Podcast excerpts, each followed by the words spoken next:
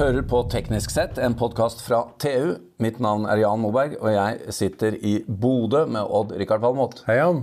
Det er igjen en konferanse med norsk industri. Det er det. Alltid gøy å være her. Ja da, og eh, nå var det jo litt sånn forrykende start i dag, da. Med hva som skal skje, og hva vi trenger av kraft, og hvor vi skal Det ble litt action. Nasjonen skal, Ja. Skal fokusere på industri. Så vi har fått med oss en av de som, eh, som var med på å sette litt fyr på salen, nemlig styreleder i Norsk Industri, Ståle Kyllingstad, som også er konsernsjef og eier i IKM-gruppen. Velkommen. Takk skal du ha. Det var veldig spennende å høre på deg. Det var kjekt å høre. Ja. Det, jeg liker å være med i sånne debatter. Jeg synes Vi som industriledere skal stå litt fram og være litt tydelige på hva vi mener og hva vi står for. Ja, Du hadde mange klare meldinger, da. Jeg håper det. Jeg håper folk liker jærsk. Det går fort. Nå skal du få, én en utfordring. Odd Rikard og jeg har lagd ca. 500 av disse postkassene.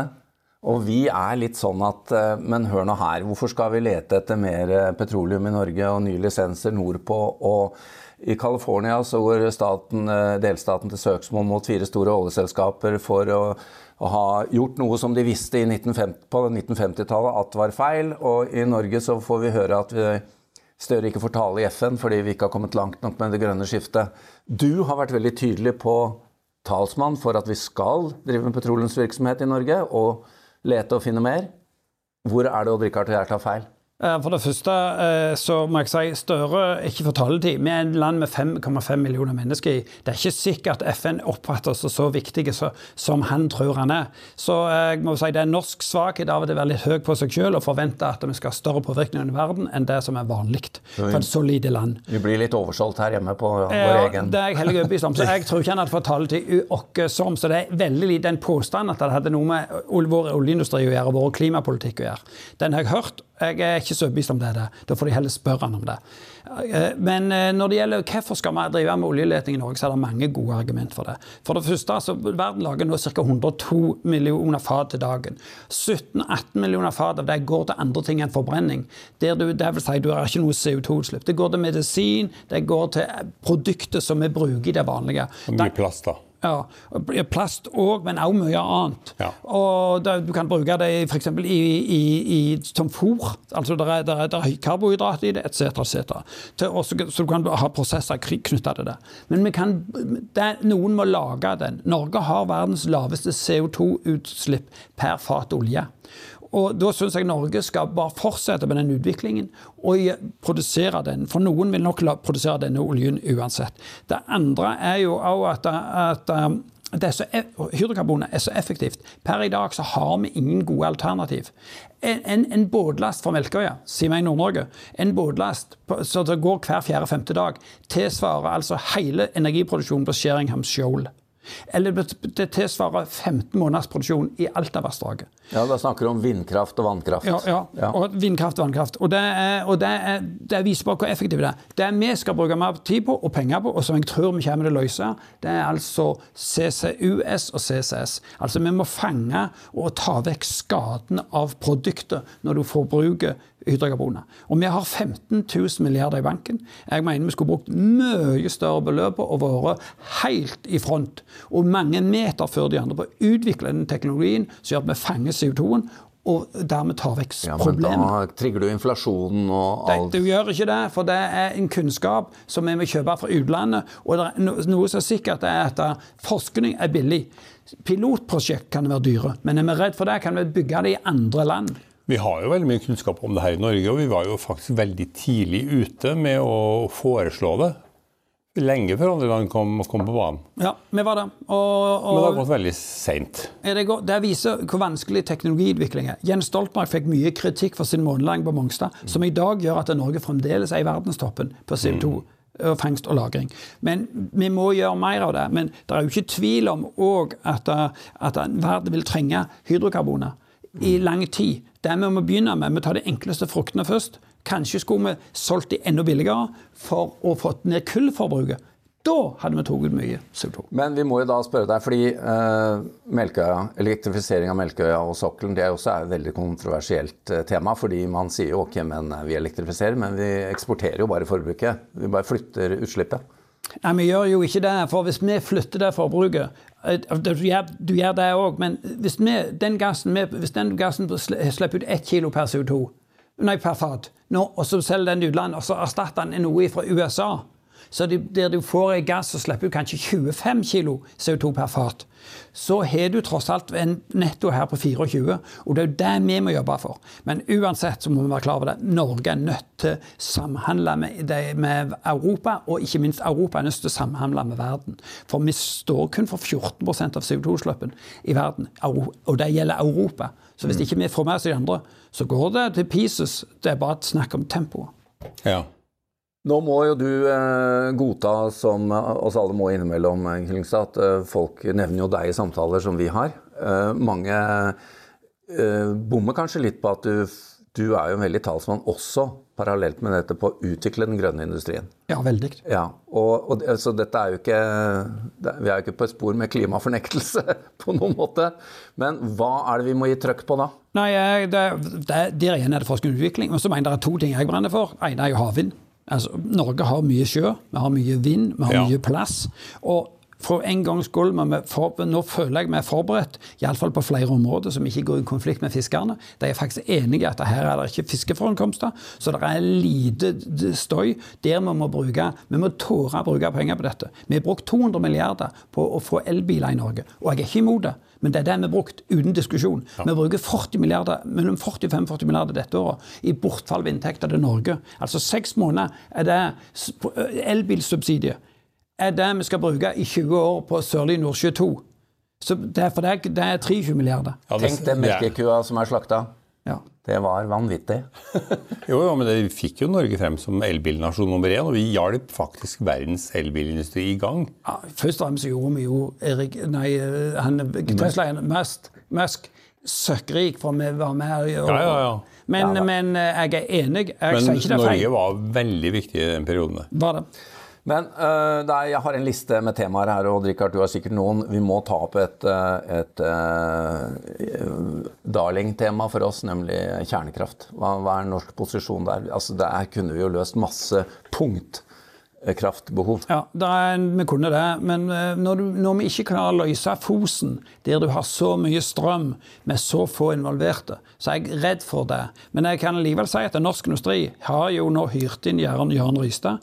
Vi får en rapport før jul som skal si gå for og mot eh, det, for vi må ha mer kunnskap.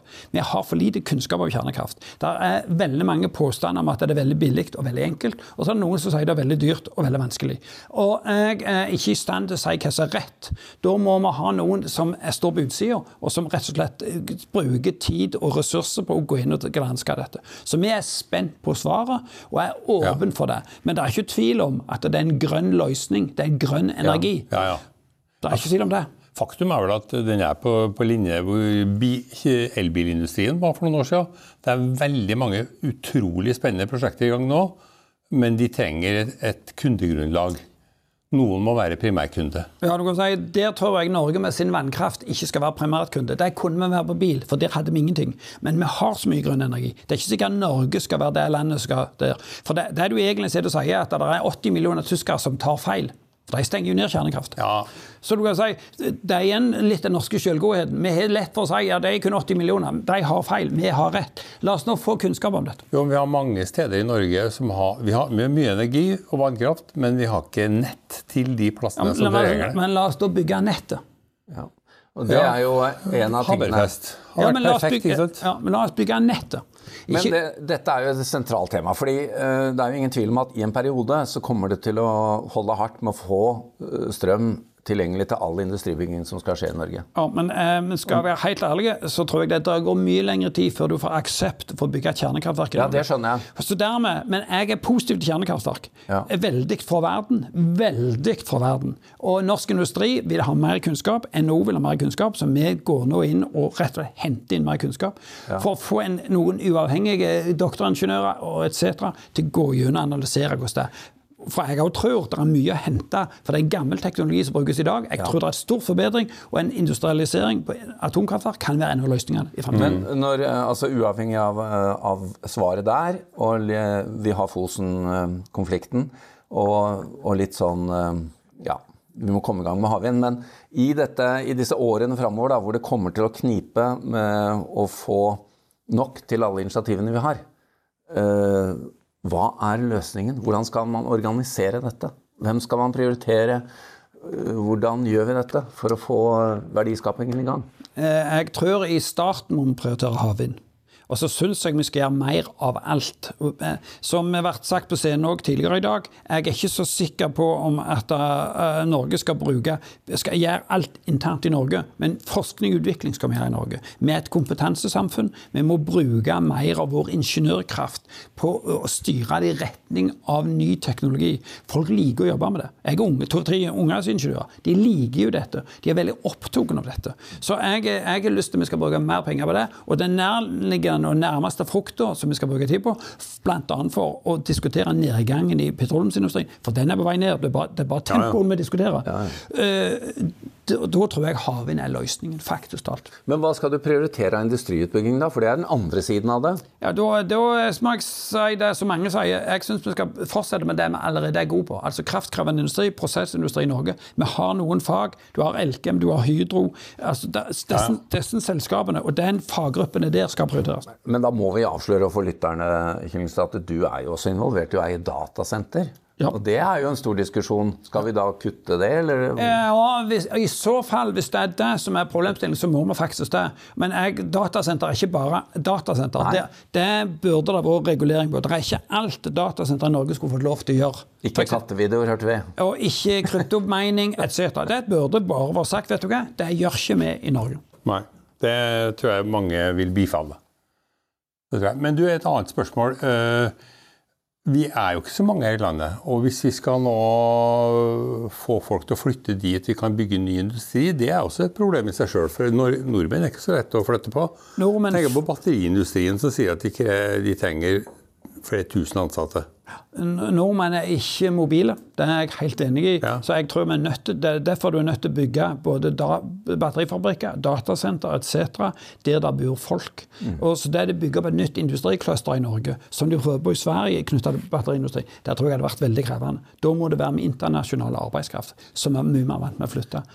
Ja, Så arbeidsvilje og kompetanse er innelåst pga. flyttefrykt? eller hva ja, er til dels vil jeg si. Vi ja. nordmenn er veldig stedbundne. Ja. Og det har gitt oss et gode samfunn og, og lav arbeidsledighet. Så det, for vi har jo løst det. Så jeg tror det er der vi allerede er, det er der vi skal videreutvikle. Det er jo uh, utrolig spennende, og uh, vi må jo også spørre da om uh, Du har jo en historie med IKM-gruppen. Den har jo gått igjen, den har vært med på noen skifter. Og da, Hva er dine råd da, til det vi skal igjennom? For du har jo drevet en industri eh, etablert i 1989. 1989, ja. Da har jeg vært igjennom noen skifter og noen kriser og noen greier. Hva er dine råd da til, eh, til de som Det blir jo endringer fremover. Ja. Jeg, jeg, mitt råd er at ikke se negativ på endring. Se det som en mulighet. Altså, Jeg opplever at verden alltid har vært i endring. Det er bare, det er bare tempo på endringen. Ja. Og jeg, Industrien er generelt sett ikke dårlig på endring. Vi, vi, det er bare hvis det går for fort eller for brått, så har vi problem. For dette, vi, vi, også, altså, vi, kjenner jo de vi arbeider med. Og noen må da slutte, noen må gå. Hvis du får for mange på en gang, så går du over hele Norge. Så det, det er bare det hele tempoet. Men det å ta endring som en utfordring, det er min overordna målsetting. Og industrien er klar for endringer. Vi er jo klar for å bruke mer både penger og arbeidskraft både på det grønne skiftet, i det være seg havvind, landvind, eller hvis man gir på CCS. Så, så, så vi er jo interessert i dette. Og jeg hører jo i debatt noen sier vi får ikke folk til det, det, grønne skiftet. Det er bare tull. Hvis jeg søker blant mine 1500-1100 ingeniører, mellom 11 og 1500, så søker vi nesten halvparten på alle sånne prosjekt for å være med på det. Det er de andre prosjektene som mm. ikke får folk. Så det er, det er aldri et problem. Akkurat. Altså, det, nå er det verre å få penger. En stund fikk du òg penger veldig fort. Nå er det litt verre. Men du, vi, vi har et hovedspørsmål igjen, men før, før vi kommer dit.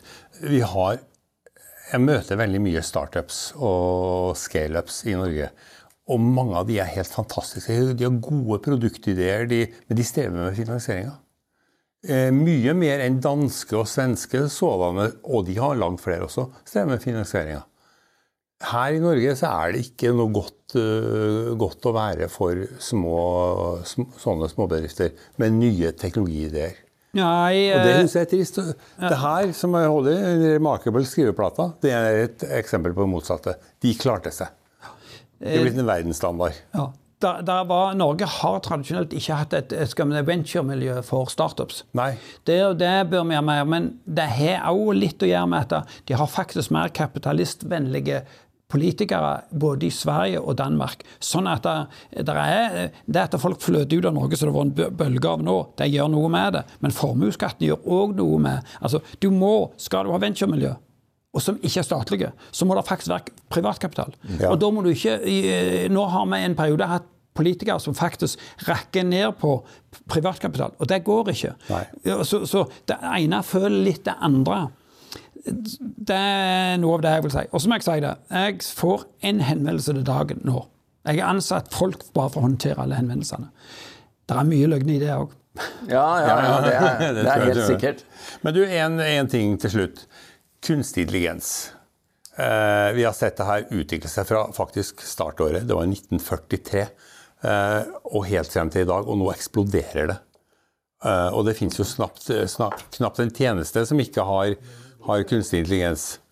Så eh, dette kommer jo til å endre industrien, Norge, eh, verden.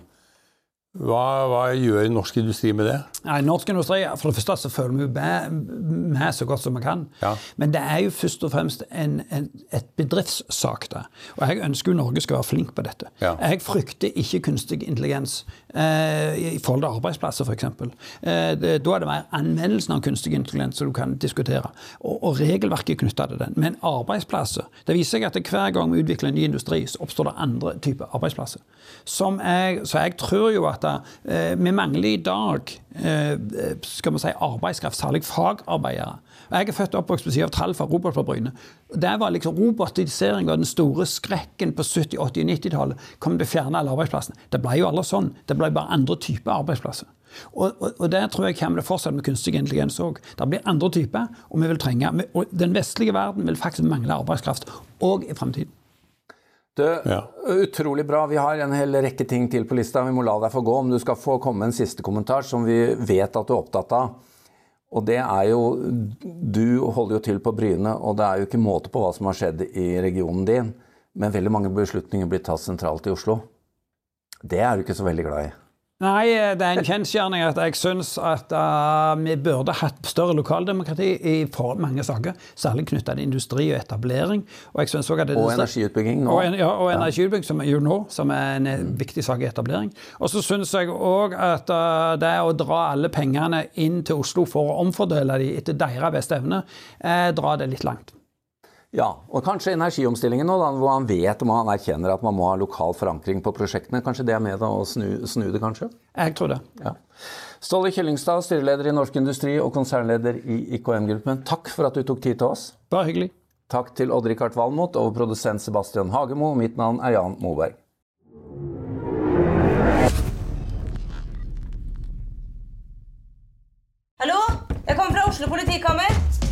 Ine Jansen er purk. Er du purk? Alt jeg vil, er å finne ut hva som skjedde med mannen min. Jon Carew. Er jeg sikta for noe? Iben Akeli. Det er du. Ole So, Lars Berrum og Big Daddy Karsten. Hvem sin side er du på, egentlig? Anette Hoff, Tone Danielsen, Kommer du fra Afrika? Jørnis Josef, Nesten. Kløfta. Trond Espen Seim, Det er synd å si det, men det var feil mann som døde. Purk. Premiere søndag på TV2 Play. Har du et enkeltpersonforetak eller en liten bedrift? Da er du sikkert lei av å høre meg snakke om hvor enkelt det er å sende faktura med fiken. Så vi gir oss her, fordi vi liker enkelt. Fiken superenkelt regnskap. Prøv gratis på fiken.no. Driver du en liten bedrift? Da tenker du sikkert at dette er en reklame for fiken. Men det er det ikke, for vi er Folio. Folio er en banktjeneste for bedrifter, og vi er fikenbrukerne sin absolutte favoritt. Med Folio får du nemlig en superenkel nettbank og kjappere regnskap. Dessuten får du påminnelser om alt du ellers må huske på. Med Folio er alt samlet på ett sted, og du får umiddelbart kontroll over utgifter og kvitteringer. Besøk folio.no og se hvorfor bedrifter foretrekker oss fremfor de store bankene. Folio smartere enn banken.